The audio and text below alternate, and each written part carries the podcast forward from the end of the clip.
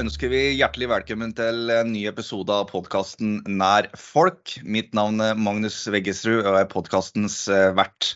I dag så har vi med oss litt av en kar. Det er sjølveste ordføreren i Hemsedal. Som eh, også har sagt at han har lyst til å gyve løs på en ny periode. God dag, Pål. Hei, Magnus. Åssen står det til oppe i dalstrøka? Du, nå har endelig eh, ja, vi får kalle det sommeren kommet. altså At vi har krypet over ti varmegrader. Det smelter godt med snø, men er fremdeles eh, fullt mulig å ta en topptur på godt snøføre i fjellet. Det ligger mye snø, det blir fulle vannmagasiner. Det er veldig bra. Det er jo ikke bare positivt med denne snøen eh, nå på vårparten heller. da. Nå er det jo gått ut noe flomvarsel og sånt i enkelte vassdrag her nede, så vi får vente og se hvordan det, det, vil slå ut. Men det er godt at vintersesongen har dratt ut litt ekstra i år, da, i Hemsedal. Vi liker det. Ja, det er bra. Du Pål, eh, hvem er du? Jo, eh, Pål Rørby, ordfører. Det har du sagt. Eh, 51 år. Født og oppvokst på Oslos eh, beste østkant, eh, Manglerud. Begynte å være mye i Hemsedal på slutten av 80-tallet. Kjøre brett og bo i en campingvogn. Og eh, blei fast hemsedøl i år 2000. Da fikk jeg egentlig nok av pendlertilværelse og reise til fjellet i alle helger og ferier. Så da tok jeg med meg to små jenter og flytta til Hemsedal, og har bodd der siden det. Har jo Ellers litt yrkeserfaring fra, ja, fra, fra datagrafikk og animasjon. Jeg jobba for um, store arkitektfirmaer med å 3D-visualisere større bygg og anlegg, særlig idrettsanlegg.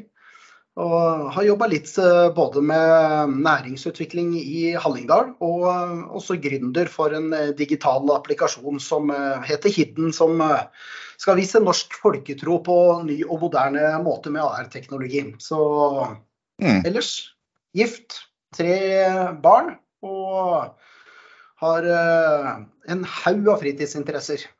Ja. Men du, mangler du Oslo øst? Det er jo ikke en sånn veldig sånn Senterparti vanlig bakgrunn, hvis man kan kalle det det. Uh, har du fått mye reaksjoner fra gamle kompiser og sånt på at du havna i Senterpartiet? Ja, altså jeg tror ikke Manglerud betegnes som Senterpartiets navle sånn sett. Eh, men Men uh, altså Manglerud er jo en eh, drabantby som ligger veldig tett opp til uh, Østmarka med Østensjøvannet og, og, mye natur i nærheten. Så jeg har alltid vært glad i å være ute i naturen. Mm. Og du kan si at uh, en del bydeler i Oslo og rundt Oslo som jeg vil betegne som har en del distriktsutfordringer, som er ganske likt som det vi ser ute på, på bygda også. Mm. Eh, det er sentrali en sentralisering av skoler. Jeg var jo med på en skolesammenslåing sjøl mellom eh, Manglerud og Høyenhall skole. og det, Alt skal bli større og alt skal bli bedre når det blir større. og det, det er ikke nødvendigvis riktig, så jeg hadde vel med meg en bagasje som jeg mm. ble enda tydeligere når jeg flytta til bygda. Mm. Ja, absolutt. Nei, men det tyder jo også på at eh, det er behov for Senterpartipolitikk i byene, er det ikke det? Jo, helt klart. Altså, bydelene på Oslo øst eh, har, og har hatt en del utfordringer. Det er jo en, eh, er jo en eh, lavere gjennomsnittlig inntekt i familiene. Man har noen utfordringer som er spesielle for østkanten. Man har jo til dels mye innvandring og integreringsutfordringer. Og man ser jo dette med å ha lokal tilstedeværelse av politiet f.eks. som veldig viktig. og for Manglerud sin del, som fikk en stor uh, hovedpolitistasjon, uh, så har jo det gjort uh, veldig stor effekt i forhold til kriminaliteten i det lokale området. Og det er veldig sammenlignbart med hvordan vi ser det i distriktene også. Mm. Men du Pål, du flytta til Hemsedal. Var du politisk engasjert før du flytta dit, eller hvordan, hvordan starta det engasjementet ditt for samfunnet og rundt deg? Eh, ikke i det hele tatt. På, på, Manglerud og i Oslo så vi hadde jo ikke noe forhold til uh, hvem som satt i byråd eller i bydelsutvalgene. Politikk var noe vi så vidt uh, gadd å lese noe om. Og så når man flytter til et lite sted, så merker man jo det at man har jo mye større påvirkning på lokalpolitikken i et lite samfunn.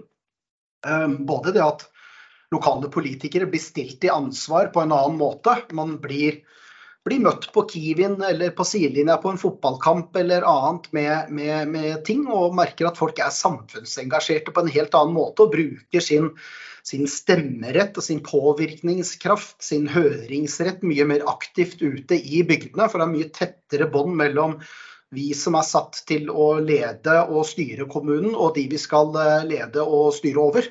Mm. Og det, eh, det merka jeg at engasjementet var noe helt annet. Så eh, i Oslo. Det kunne ikke falle oss inn å snakke politikk i en lunsjpause, mens her oppe så er det mye mer vanlig. og Da blir man interessert og så blir man engasjert, og så lar man seg verve. Og så når man er en ja-person, så takker man ja og blir engasjert. Og da, ja. Ja, da, endte, man, da endte vi i ordførerstolen, da.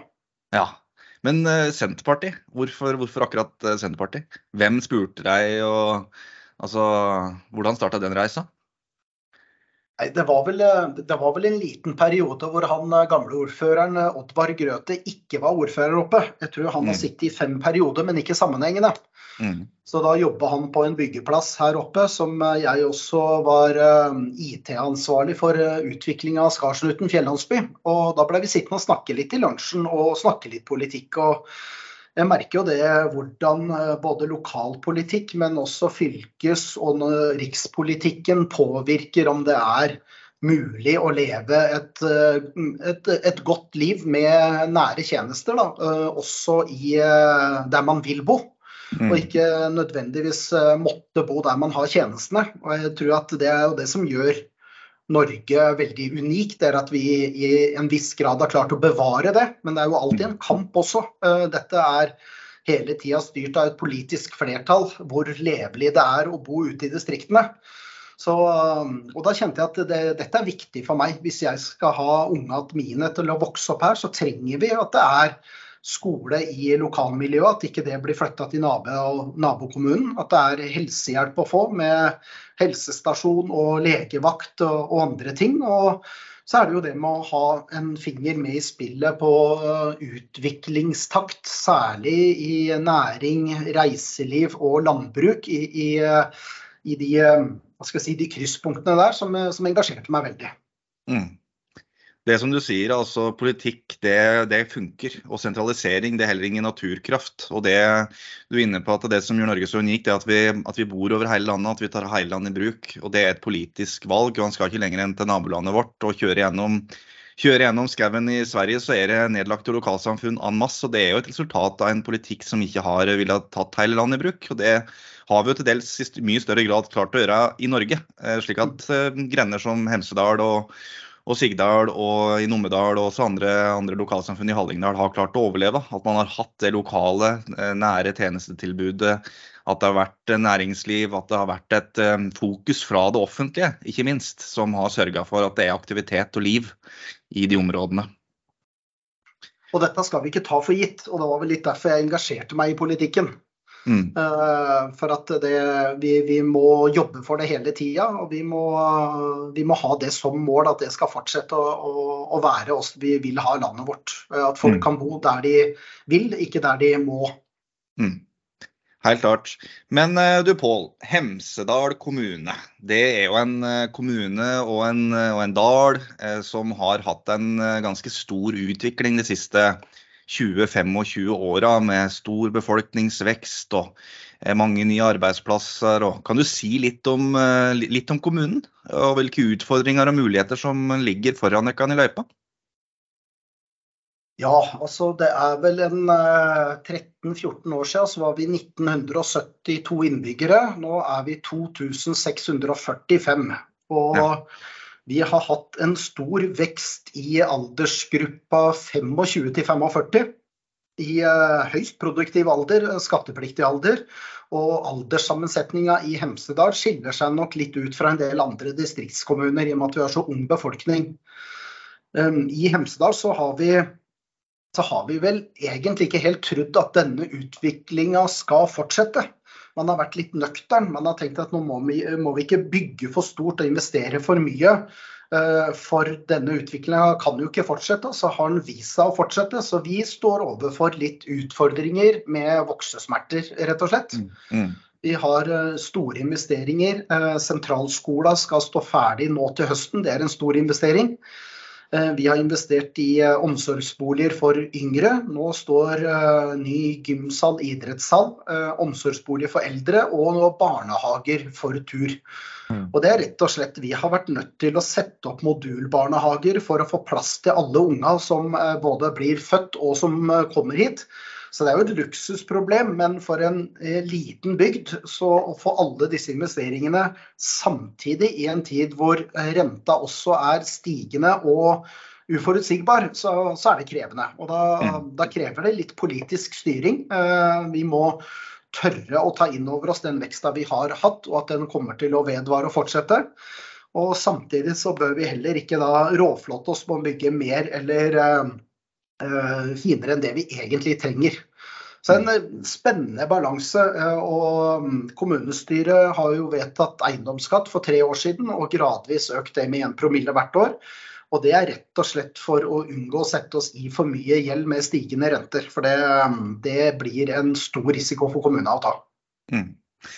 Du Pål, du har jo vært inne på dette før, men eh, i Hemsedal så har det jo vært en ganske høy utvikling av både fritidsboliger og hoteller og både varme og kalde senger. Eh, og det medfølger jo også en eh, god del nedbygging av natur. Hvordan har politikken vært der de siste åra, og hvordan ser de på det framover? Er det er det sånn at kommunen sier ja til alle utbyggingsprosjekter som kommer, eller er man litt mer nøkterne og, og har andre verdier også i, i bakhuet når man gjør politiske vedtak? Ja, altså Hemsedal var veldig tidlig ute med å lage en masterplan på hvordan vi skulle utvikle reiselivet og den delen av næringa vår. Eh, man reiste til Whistler og fikk en del innspill på skikommuner som har kommet mye lenger enn oss og tok med noe innspill tilbake. Så det var en gjeng med ganske kloke politikere som på slutten av 90-tallet eh, gikk inn for at her skal vi bygge mye og tett i eh, nærområdet til selve heisanlegget. Mm. Ski in, ski out var et uh, uttrykk som de færreste hemsedøler egentlig hadde noe forhold til, men det ble holdt veldig høyt. Og det, det har resultert i at altså Hemsedal sin totale utbyggingsprosent, hvis man ser på både reiseliv og boliger, ligger på 0,5% Så det er en veldig liten del av Hemsedal som egentlig er utbygd. Men veldig konsentrert. ja. Men vi tidobler eh, antall innbyggere flere helger og i feriene på vinteren. Vi kan være mellom 5000 og 27 000 mennesker her oppe. Mm. Men det er mange som er i et kompakt område rundt skisenter og baseområdet for skisenteret. Og det har vært viktig for oss å planlegge sånn at det er gangavstand til restauranter, butikker, heis og um, dagligvare sånn at man bruker bilen minst mulig. Eh, prinsippet har egentlig vært at når man kommer på en torsdag eller fredag, setter fra seg bilen, og så trenger du ikke å bruke bilen før du reiser igjen. Så vi har fått ned ÅDT-en og trafikktellingene over på noen vesentlige punkter, selv om vi har dobla sengekapasiteten. Og det har også gjort at vi har, si, vi har ødelagt mye natur på et lite område. Mm. Vi har veldig mange sengeplasser, og i tillegg så har vi vært veldig fokusert på at de sengene som bygges, en stor andel av de skal være da næringsregulerte med en pålagt utleieplikt. Og dette er jo delingsøkonomi i eh, praksis. Det handler om at flest mulig mennesker bruker det samme kvadratmeterne så mange dager i året som mulig, istedenfor at man skal eie nødvendigvis hver sin hytte, bruke en 40-60 dager i året og båndlegge et stort uh, areale. Mm. Så vi har hatt den politikken i mange år, og vi har stått veldig fast ved den. Det har vært krevende. Eh, de har det vært tverrpolitisk enighet rundt det i Hemsedal? Det har vært ganske tverrpolitisk, eh, særlig mellom de to største fløyene, da, mellom Høyre og Senterpartiet. Så har det vært en villet utvikling for Hemsedal. Mm. Og det har, fungert, eh, det har, fungert, godt, må vi si. Og så har vi mm. store aktører nå som vil inn og gjøre Eh, videre store prosjekter. Vi snakker kanskje om opp mot en eh, dobling av sengekapasiteten i Hemsedal. Og da tenker jeg at da skal vi eh, Jeg tenker litt på uttrykket, det, det gode norske uttrykket 'What got you here won't get you there'. Mm. Altså Det vi har gjort riktig fram til nå, er ikke nødvendigvis det riktige for framtida. Men at vi har gjort mye riktig, med alderssammensetning, med befolkningsvekst, med høyt utdanningsnivå i bygda vår. Det er, det er veldig bra. Mange kommuner ser på Hemsedal som en foregangskommune på, på mange områder. Men jeg tenker vi skal være ambisiøse og tenke enda mer både bærekraftig utvikling, trinnvis utvikling og uh, være skånsom mot de urørte naturområdene som vi har. For det vil definitivt bli en ressurs som er viktig for generasjonene etter oss. Mm. Det har jo åpenbart vært og er en del kapitalsterke interesser i Hemsedal. Hvordan merker de det fra politisk eh, hold? Er det, er det vanskelig å si nei? Eller hvordan, hva slags dialog eh, har dere med, med næringslivet og dem som ønsker å investere hos dere? For det er jo sikkert et eh, valgets kval for en, for en ordfører i distriktskommune der når det kommer, kommer, folk med penger og ønsker å utvikle bygda. Hvordan håndterer man det som, som folkevalgt? Nei, på For vår del så holdt jeg på å si vi har blitt litt vant til det. Eh, vi vet at det er store utbyggere. Eh, nå har jeg sittet i kommunestyret i snart 16 år, så, så, vi begynner å kjenne litt hvordan de jobber. Og er det noe som ligger innafor de regulerte områdene, hvor vi av prinsipp har sagt at her ønsker vi tett og mye utvikling, så er jo klart da er veien videre mye enklere. Ehm, kommer det store investorer eller eh, interessenter som ønsker å utvikle noe i, i helt nye områder, som ikke har tilknytning til eksisterende infrastruktur, så, ehm, så er vi også ganske tydelige tilbake. Mm. Og vi er jo i en situasjon hvor eh, utenlandske investorer har en større utbyggingsvilje enn det vi eh, tillater og sier nei og begrenser prosjekter. Jeg tror mange av de, mange av de ordførerne jeg snakker om, uh, har vært, uh, har en holdning til at vi skulle ønske noen kunne komme og investere i bygda vår. Så vi har jo et litt annet fortegn, men vi har jo hatt det trykket her nå i 20 år. Og de politikerne som er her, uh, er vant til å stå i det. Og vi er jo et kollege av politikere som har gode diskusjoner Eh, på tvers av partigruppene, nettopp for å prøve å finne fram de beste løsningene, som både ivaretar god vekst, en bra bygd å bo og leve i, og samtidig at vi eh, har det største næringslivet vårt, er reiselivet. Hvordan kan vi tilrettelegge for en, en god og bærekraftig vekst der, sånn, som ikke går på bekostning av vår egen identitet, kultur og hvordan det er å rett og slett leve i bygda. Mm. Men du Pål, eh, det er jo ikke mer enn et år siden vi, vi, sist hadde en nedstenging her i landet. Det var en pandemi som har satt en del spår, og som ramma reiselivet i Hallingdal eh, ganske, ganske hardt. Eh, og hva, hva slags lærdommer har de, har de, gjort av det, med tanke på at de har et, har et næringsliv som er veldig retta inn mot reiselivet, og derfor kanskje noe sårbart? Hvordan, hvordan tenker de så tenker å, å lære av det framover. Mm. Hvis det skal komme nye pandemier som kan føre til nedstenginger. Ja, eh, godt spørsmål. og det er klart Vi var på det meste nesten 40 arbeidsledighet her oppe når, eh, når, vi gikk og stengte ned både skisenter, afterski, hoteller og alt. Det var jo mm. det var ganske uvirkelig eh, situasjonen vi var i. Men det er jo som du sier, vi så hvor sårbare vi er. Vi er helt prisgitt av åpne grenser. At mennesker kan møtes og være sammen. Vi er også prisgitt at miljø- og altså klimaendringene eh, gir oss også noen utfordringer. Da.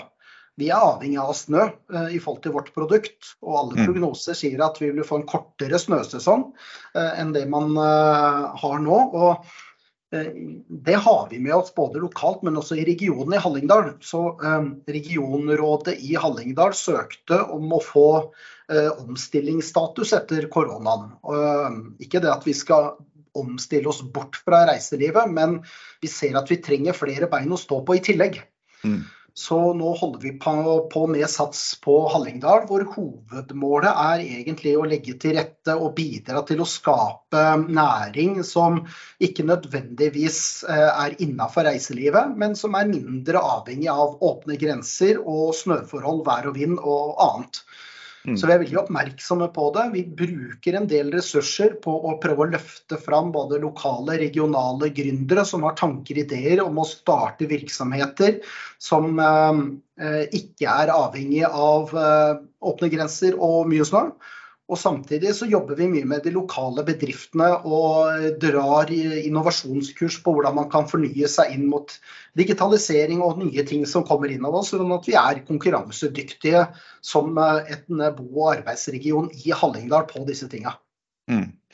Men du var litt inne på, du er jo, du er gründer sjøl, Pål. Og Hemsedal har jo nesten blitt et litt sånn arnested for innovasjon og gründervirksomhet. og De har jo nettopp hatt et arrangement som heter Startup Extreme. Eh, kan ikke du fortelle litt om det? Jo, altså Startup Extreme er jo en internasjonal samling av um, investorer, uh, fondsmiljøer, uh, forretningsutviklere og gründere som tiltrekker seg eh, toppfolk fra, fra hele verden. En global tilstedeværelse. Hvor vi kan høre hvor våre gründere få muligheten til å presentere ideene sine fra scenen. Møte både lokale og internasjonale investormiljøer og forretningsutviklere. Og dette arrangementet starta jo i Voss, og så har det vokst seg litt ut av Voss. Og søkte seg da eh, til Hemsedal.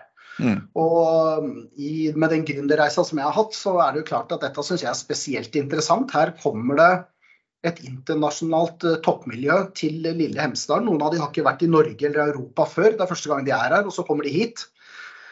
Og det å bygge opp under det der med altså Begynnelsen av dagen kan man jo velge mellom aktiviteter som fallskjermhopping, isklatring, skikjøring, uh, isbading eller kanefart, hundekjøring.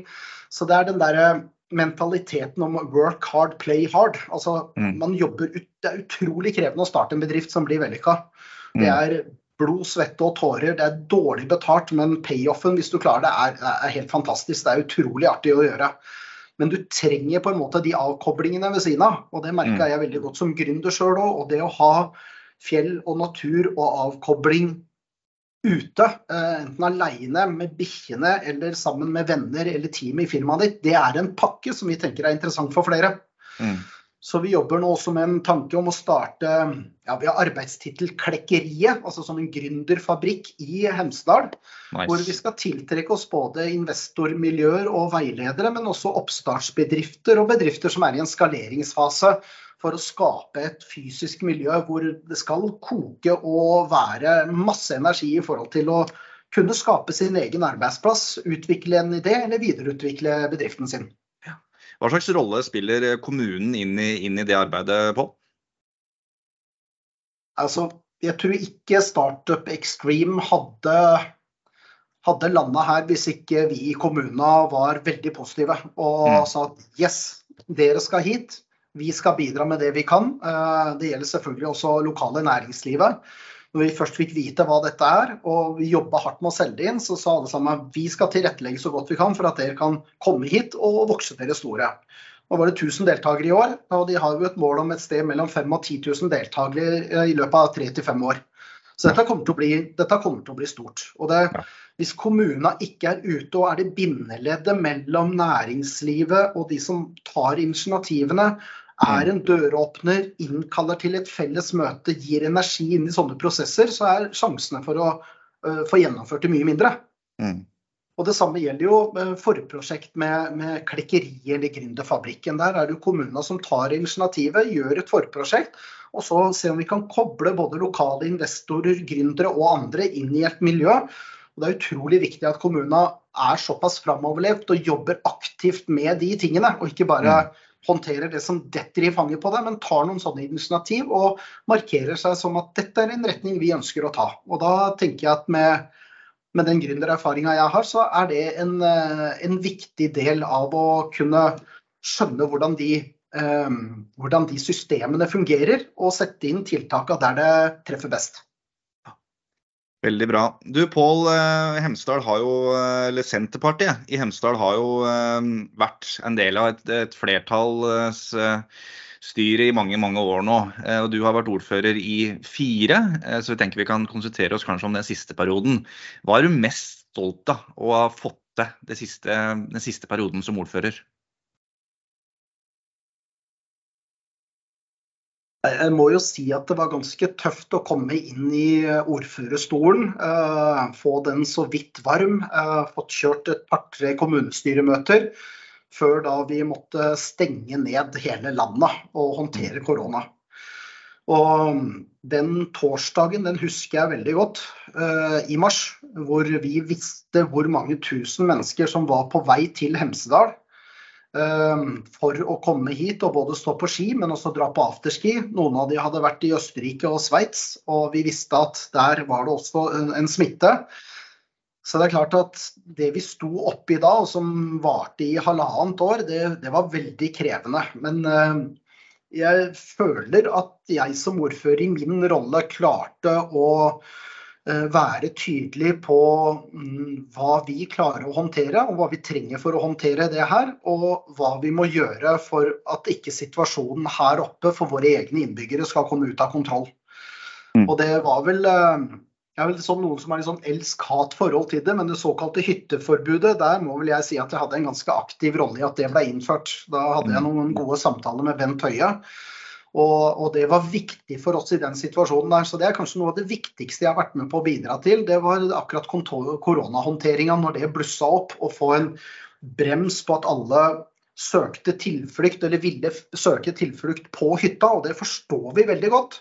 Men mm. vi, hadde, vi, visste ikke hva det var, vi visste ikke hvor smittsomt det var. Vi hadde ikke smittevernutstyr, det var ingen vaksiner i, i sikte. Og med den usikkerheten som var da, så tror jeg fremdeles at det var den riktige avgjørelsen å ta. Så det at vi turte å være så tøffe, det er jeg litt stolt av. Men eh, mm. noe litt sånn mer konkret, så tenker jeg det at vi har nå et prosjekt her oppe som går på å bygge en eh, skatepark og en rullepark for barn og ungdom. Som eh, skal tilrettelegge for ikke-organisert aktivitet, og det har vi altfor lite av i Hemsedal. Og der mm. har jeg vært en pådriver for å få til det systemet, og det blir bygd nå. Så det er en sånn konkret, håndfast ting som jeg er veldig fornøyd med at vi har klart å få til. At det blir en ordentlig rullepark for barn og ungdom, som eh, både skal kunne fungere som skolegård, men også blir et veldig bra aktivitetsanlegg i, eh, i helger og i ferier, både for de som bor her og de som besøker oss. Så kan det vel også tenkes at det kommer en uh, viss eks-Manglerud-beboer uh, med litt lite hår med, med, med, brettet sitt der også? Hva tror du? Ja, En skal, skal, vel ikke se bort fra at en må børste støv av noe både gamle brett og gamle kunster. Når du skal innvie dette, Pål, så må du jo fram med brettet. Det er jo ingen tvil om det. Ja. Ja, det blir Nei, det... veldig bra oppslag i Hallingdølen, vil jeg tippe. Vi forstår det, vet du. Vi forstår det, vet du. Ja. ja, det er veldig bra, Pål. Du, Pål, når du var inne på pandemien, du satt jo også i dette her eh, koronakommisjonen, gjorde du ikke det? Kan du si litt om det arbeidet som du var en del av der? For det, det var ikke bare bare.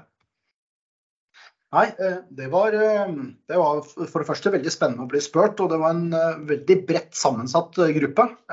Det var toppfolk fra militær og forsvar, fra Norges Bank og økonomi. Det var eh, viruseksperter, det var sosiologer, det var eh, eh, fra rettsapparatet, det var fra reiseliv og næringsliv. Så det var en veldig bredt sammensatt gruppe. Og jeg var da som ordfører for å si litt hvordan ting egentlig, litt sånn virkelighetsvitne, hvordan det var å håndtere dette nede i kommunene og nede på gulvet. Mm. Og jeg syns jo arbeidet var veldig spennende og veldig lærerikt, og hvor profesjonelt disse NOU-ene blir utarbeida, og stor rolle sekretariatet har, og hva som var vårt styringsmandat for, for gruppa. Og um, jeg må si at Noen har jo hevda at dette var bestillingsverk fra Erna Solberg-regjeringa og andre ting, men jeg må si at den, den, integriteten til den gruppa med mennesker, den var på ingen måte påvirka. Det var nok heller vi som stilte de tøffeste spørsmål som både Erna og Bent og både tidligere og sittende statsministre og helseministre måtte svare på. Så det, det var litt sånn Man jo, får jo litt sånn ærefrykt av et sånt oppdrag, men mm. veldig lærerikt og interessant. Og vi fikk jo virkelig titte under uh, teppet på hvordan eh, en regjering og et statsapparat håndterer en så uforutsigbar krise som vi var så dårlig forberedt på. Og alt fra å lese tekstmeldinger som har blitt sendt, til gule lapper og, og andre ting. Eh, lærerikt, veldig interessant. Og eh, ja, jeg tror, jeg tror og håper at rapporten kan bli tatt på alvor. At vi rigger oss bedre så ikke det samme skjer igjen. Helt klart. Det, det, er vel ikke et spørsmål om hvis, det er vel mer spørsmål om når det skjer igjen. og Da må vi forhåpentligvis håpe at vi har en bedre kapasitet på kanskje vaksineproduksjon og, og er bedre rusta eh, generelt i samfunnet til å kunne håndtere det. Men det som jeg syns var så fint da med, med pandemien og, og håndteringa av den, var at man, eh, man sto sammen tverrpolitisk. Både mm. lokalt, regionalt og nasjonalt. I de aller fleste spørsmål så var det selvfølgelig uenighet om eh, noen av tingene, noe av håndteringa noen av tiltakene som ble innført. Men så, for det meste så var det tverrpolitisk enighet om dette her. Eh, her har vi tillit til at fagfolka vi må stole på dem, og at regjeringa også håndterer dette på en, på en korrekt måte. Um, så må vi bare håpe at vi er bedre rusta til neste gang, som sagt. Men du Pål, hvis vi skal skue litt eh, framover. Det er jo et valg i september. Hva blir de viktigste sakene for Hemsedal og Hallingdal eh, som, du, eh, som, du, vil løfte, og Senterpartiet vil løfte eh, inn mot valget? Nei, det er flere ting, men jeg tenker jeg nevner noen sånne hovedsaker. Det ene det er utrolig viktig at vi har et fokus på landbruket vårt. Senterpartiet har jo blitt kalt litt sånn sidrumpa og, og sånn bondepartiet fordi vi hele tida har prøvd å kjempe for å bevare dyrka mark og ha egenprodusert sunn, god mat. Jeg tror uh, de fleste skjønner at det er viktig nå. Og det er hvordan vi kan styrke landbruket. Altså, vi ser jo hvordan jordbruksoppgjøret blir eh, betydelig bedre med oss i regjeringa enn det det hadde vært uten. Men uh, allikevel så er det et etterslep og en utfordring for jordbruket vårt som er uh, langt over hva vi klarer å bøte på i ett og ett jordbruksoppgjør. Og jeg tenker det at det å tenke dette med nyskaping og innovasjon inn mot det framtidige jordbruket også er utrolig viktig. Og Det tror jeg skal bli en av de viktigste sakene vi både i Hemsedal og i Hallingdal og resten av Norge må tenke. Det er hvordan kan man jobbe smartere, få til bedre synergier. Når klimaet endrer seg, så kan det være vekstvilkår endrer seg, gromiljø og andre ting. At man ligger i forkant og jobber med det. At man er innovativ og nyskapende innenfor landbruket. Det ser jeg mm. altfor lite av. Det finnes veldig mange innovative bønder. Altså De fleste bønder er jo en blanding av Reodor eh, Felgen og Petter Smart. De eh, gjør smarte, gode løsninger på strak arm. Men å mm. kunne se litt lengre fram i tid og samarbeide med litt større prosjekter innenfor landbruket, det, det er viktig, og det kommer vi i Senterpartiet til å være en foregangskjemper for. At det blir satt i gang den type prosjekter på bøndenes premisser. Sånn at dette mm. blir ikke noe innovasjonsprogram som skal tres over huet på dem, men finne ut hva er behovet, hvordan kan vi jobbe sammen, hvordan kan kommunene og eh, Hallingdal være med og løfte dette sammen med dere. Mm. Bare for å kommentere på det, Paul, så jeg er helt enig i det du sier. Samtidig så tror jeg da at uh, grunnen til at mange bønder kanskje ikke våger å se så veldig langt framover i tid, er nok mye pga. den økonomien som har vært og er i, i landbruket rundt omkring. Um, og så som du var inne på, nå har vi nettopp lagt et jordbruksoppgjør bak oss hvor, eh, hvor, eh, hvor, inntektsgapet tettes med flere 10 000 kroner per årsverk. Og det er bra. Man har starta på, på, den, eh, på den arbeidet med å ta igjen det inntektsgapet. Man er ikke ferdig. Men jeg tror det at den økonomiske usikkerheten har nok vært en litt sånn medvirkende faktor for mange bønder til at man ikke våger å se kanskje for langt inn i framtida, fordi at man er redd for regninga som kommer i morgen. Eh, men mer innovasjon, det er helt klart på sin plass. Mm. Er et veldig godt poeng. og det, det tror jeg at hvis man, hvis man, er usikker på om man jobber som bonde om fem eller ti år, eller om mm. generasjonene etter eh, tør og vil ta over, så er det vanskelig å, å motivere seg til å gjøre den, det arbeidet. Men, så dette henger sammen, men vi må ikke slutte å prøve i hvert fall. Nei, helt klart. Så en viktig sak, en annen ting som jeg tror er, eller som jeg vet blir veldig viktig, det er kultur og identitet. Mm. Eh, det handler ikke bare om Hemsedal, det handler om hele Hallingdal. Eh, hva er vi og hva skal vi være? Vi har, som vi har vært inne på tidligere, stort press fra reiselivet. Det går an å eh, jobbe med reiselivet, landbruk, kultur og identitet i en mye tettere og bedre samarbeid enn det vi har gjort. Så hvis, hvis vi skal fortsette å utvikle oss i med det reiselivet og mye av det andre næringslivet som vi har rundt reiselivet, så er det utrolig viktig at kultur og identitet både blir ivaretatt og blir satsa på. Så kultur det oppfatter jeg som et bindeledd mellom si, bygda og turisten. Mm. Man kan forenes i kulturen, og da er det viktig at man satser på kultur. Og dessverre så er det en del både politikere og partier som tenker at ja, kultur det det er greit med kulturskola og at biblioteket er oppe og der er det en liten konsert i ny og ne. Mens eh, jeg er uenig i at det er nok. Kultur er identitetsskapende, det er en samlingsplass. Når jeg er på UKM og ser hvordan barn og ungdom som kanskje ikke vanligvis passer inn i idrettslaget eller i vennekretsen plutselig blomstrer når de får en gitar eller en, en eh, fløyte i hånda.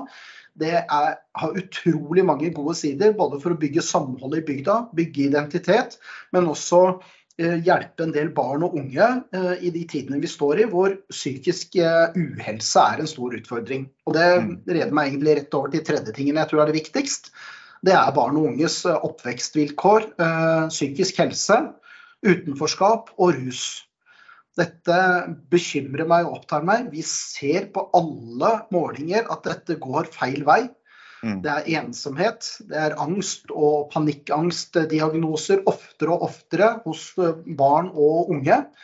Og hvordan vi både med å se på hvordan vi har skrudd sammen skoleverket, hvordan vi jobber, altså foreldrenes ansvar opp mot skolens ansvar, helse, og når vi begynner å snakke om rus, både forebygging um, og hvordan vi kan gjøre meg oppmerksom på hvilke farer og hva dette medfører, det tror jeg blir utrolig viktig å jobbe med.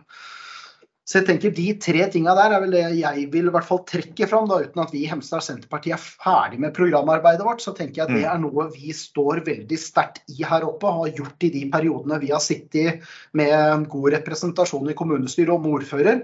Så er dette ting vi, vi alltid kjemper for, og den kampen er ikke noe vi kommer til å gi oss med. Mm. Du Pål, jeg har lyst til å dra frem en fjerde ting som jeg vet også du er veldig opptatt av. Fordi eh, når, en, eh, når et barn er ferdig på grunnskolen i Hemsedal, så begynner på, ofte på, enten på Gol eller Ål videregående. Eh, kanskje noen går yrkesfag og blir lærlinger og går ut i arbeidslivet med en gang, mens andre kanskje har lyst til å studere videre. Men da er det ingen muligheter i Hallingdal. Da må man til Drammen eller Hønefoss eller Oslo. Men der er det noe på trappene. Hva, hva kan du si om, si om det? Du, altså, vi eh, starta litt egentlig med et initiativ fra Gol her som var litt sånn Hei, vi må sette oss på kartet med høyere utdanning. Altså, vi mister så mye unge voksne eh, til byene, og de blir værende i byene fordi vi ikke har et høyere utdanningstilbud i Hallingdal. Mm. Så vi laga en liten arbeidsgruppe hvor eh, ordføreren på Gol og jeg sitter i, sammen med eh, representanter fra Universitetet i Sørøst-Norge og fra regionrådet, og starta et prosjekt nå rett og slett om universitet, eh, høyskole i Hallingdal under arbeidstittelen Campus Hallingdal. Og Der har vi kommet såpass langt nå. Nå har vi hatt møter både med finansminister, kommunalminister og minister for høyere forskning og høyere utdanning, Ola Borten Moe og fått presentert prosjektet og produktet. Og det er gode tilbakemeldinger. Det er et, det er et hull på kartet i Norge hvor det ikke finnes noe uh, høyere utdanning annet enn fagskoler. Uh, så um, det er positivitet mange steder. Og et universitet høy, eller høyskole i Hallingdal, det, det ville ikke bare vært for hallingene sjøl for å slippe å reise ut av regionen, men det vil jo bli et veldig godt tilbud til de som eh, kanskje tenker å studere en retning vi kan tilby. Så la ta den bacheloren i fjellet da, med den naturen vi har rundt oss, i et godt studentmiljø. Eh, samtidig som du da har en betydelig lavere leie av studentbolig f.eks. Skal leie en studentbolig eller en liten uh, hybel i Oslo nå, det, det, koster jo tre ganger så mye som det gjør her i Hallingdal. Mm. Og Det kan kanskje medføre at du får mer fritid, du slipper kanskje å ha to ekstrajobber i tillegg til studiene. Og skape et godt eh, rekrutteringsmiljø da for både lokalt næringsliv og offentlig forvaltning, og samtidig ha noen spennende utdanningsretninger. Så dette her dette er også en sånn kjernesak vi jobber veldig tverrpolitisk og på tvers av kommunegrensene i Hallingdal med å få til. Og mm. med, med, god hjelp fra fylkeslaget selvfølgelig i Senterpartiet og blant eh, våre statsråder som, eh, som er positive. Ja. Dette her er et veldig viktig prosjekt, og jeg tror det er, kan være helt avgjørende for, for, Hallingdal som region og områdene rundt at vi klarer å få på plass et sånt eh, tilbud. Det å kunne sørge for at ungdom må slippe å reise ut av bygda for å, for å ta høyere utdanning, det, det, kan føre til at enda flere blir. Og så er det sånn at kompetanse også tiltrekker seg kompetanse. Så at man, når man får enda flere arbeidsplasser med, med høyere utdanning, så tiltrekker det seg også andre. Og så er jo litt at dette her er jo det er en endring som pågår litt i, i høyere utdannings-Norge nå. Der man er litt back to the basics, back to the roots. Da man bygde opp distriktshøyskolene på 70-tallet, så var det med formål om at man skulle man skulle sørge for at omlandet fikk den kompetansen man trengte. Eh, og Det føler jeg også er litt av kjernen i det prosjektet som de, som de jobba med i Hallingdal. Eh, og jeg tror det at Her må man jo selvfølgelig bygge stein på stein, og først kanskje tanke på de, de ungdommene som allerede bor i Hallingdal osv. Men ser man på Ser man på studiesteder andre steder i sørøst, som i Rauland og i Bø og andre, andre universitet og høyskoler, sånn at i Sogndal osv., så, videre, så er det jo studenter også fra andre plasser i landet som kommer dit for å studere, fordi man har bygd opp et studentmiljø. Eh, og Kanskje det er noe spennende forskning som foregår der. altså Her er det mange muligheter til også at det kan vokse og utvide seg og bli virkelig en nav da, for, for utdanning i Distrikts-Norge.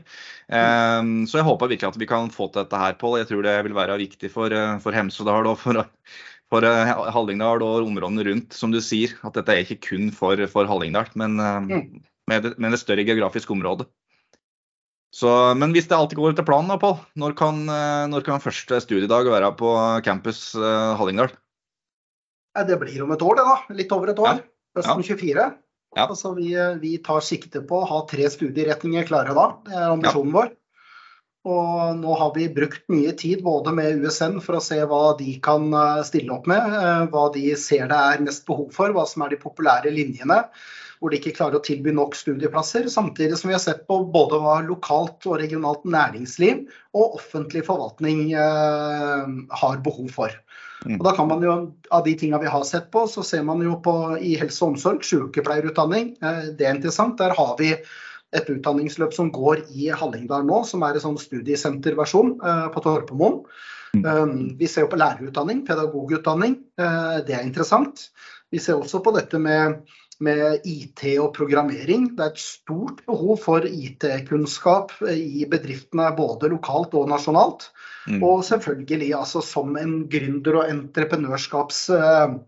Region, så er jo dette med innovasjon og entreprenørskap eh, veldig passende for den satsinga vi gjør både i Hallingdal og i Hemsedal rundt, rundt Startup Extreme, rundt eh, innovasjonsmiljøet på Torpomoen, eh, rundt Fjellfondet, Gründerfabrikken. Alle disse tingene som spiller sammen da, for, å, for å på en måte legge alle brikkene i et puslespill for å, for å styrke næringslivet og, og få Hallingdal til å vokse på en, på en god måte framover.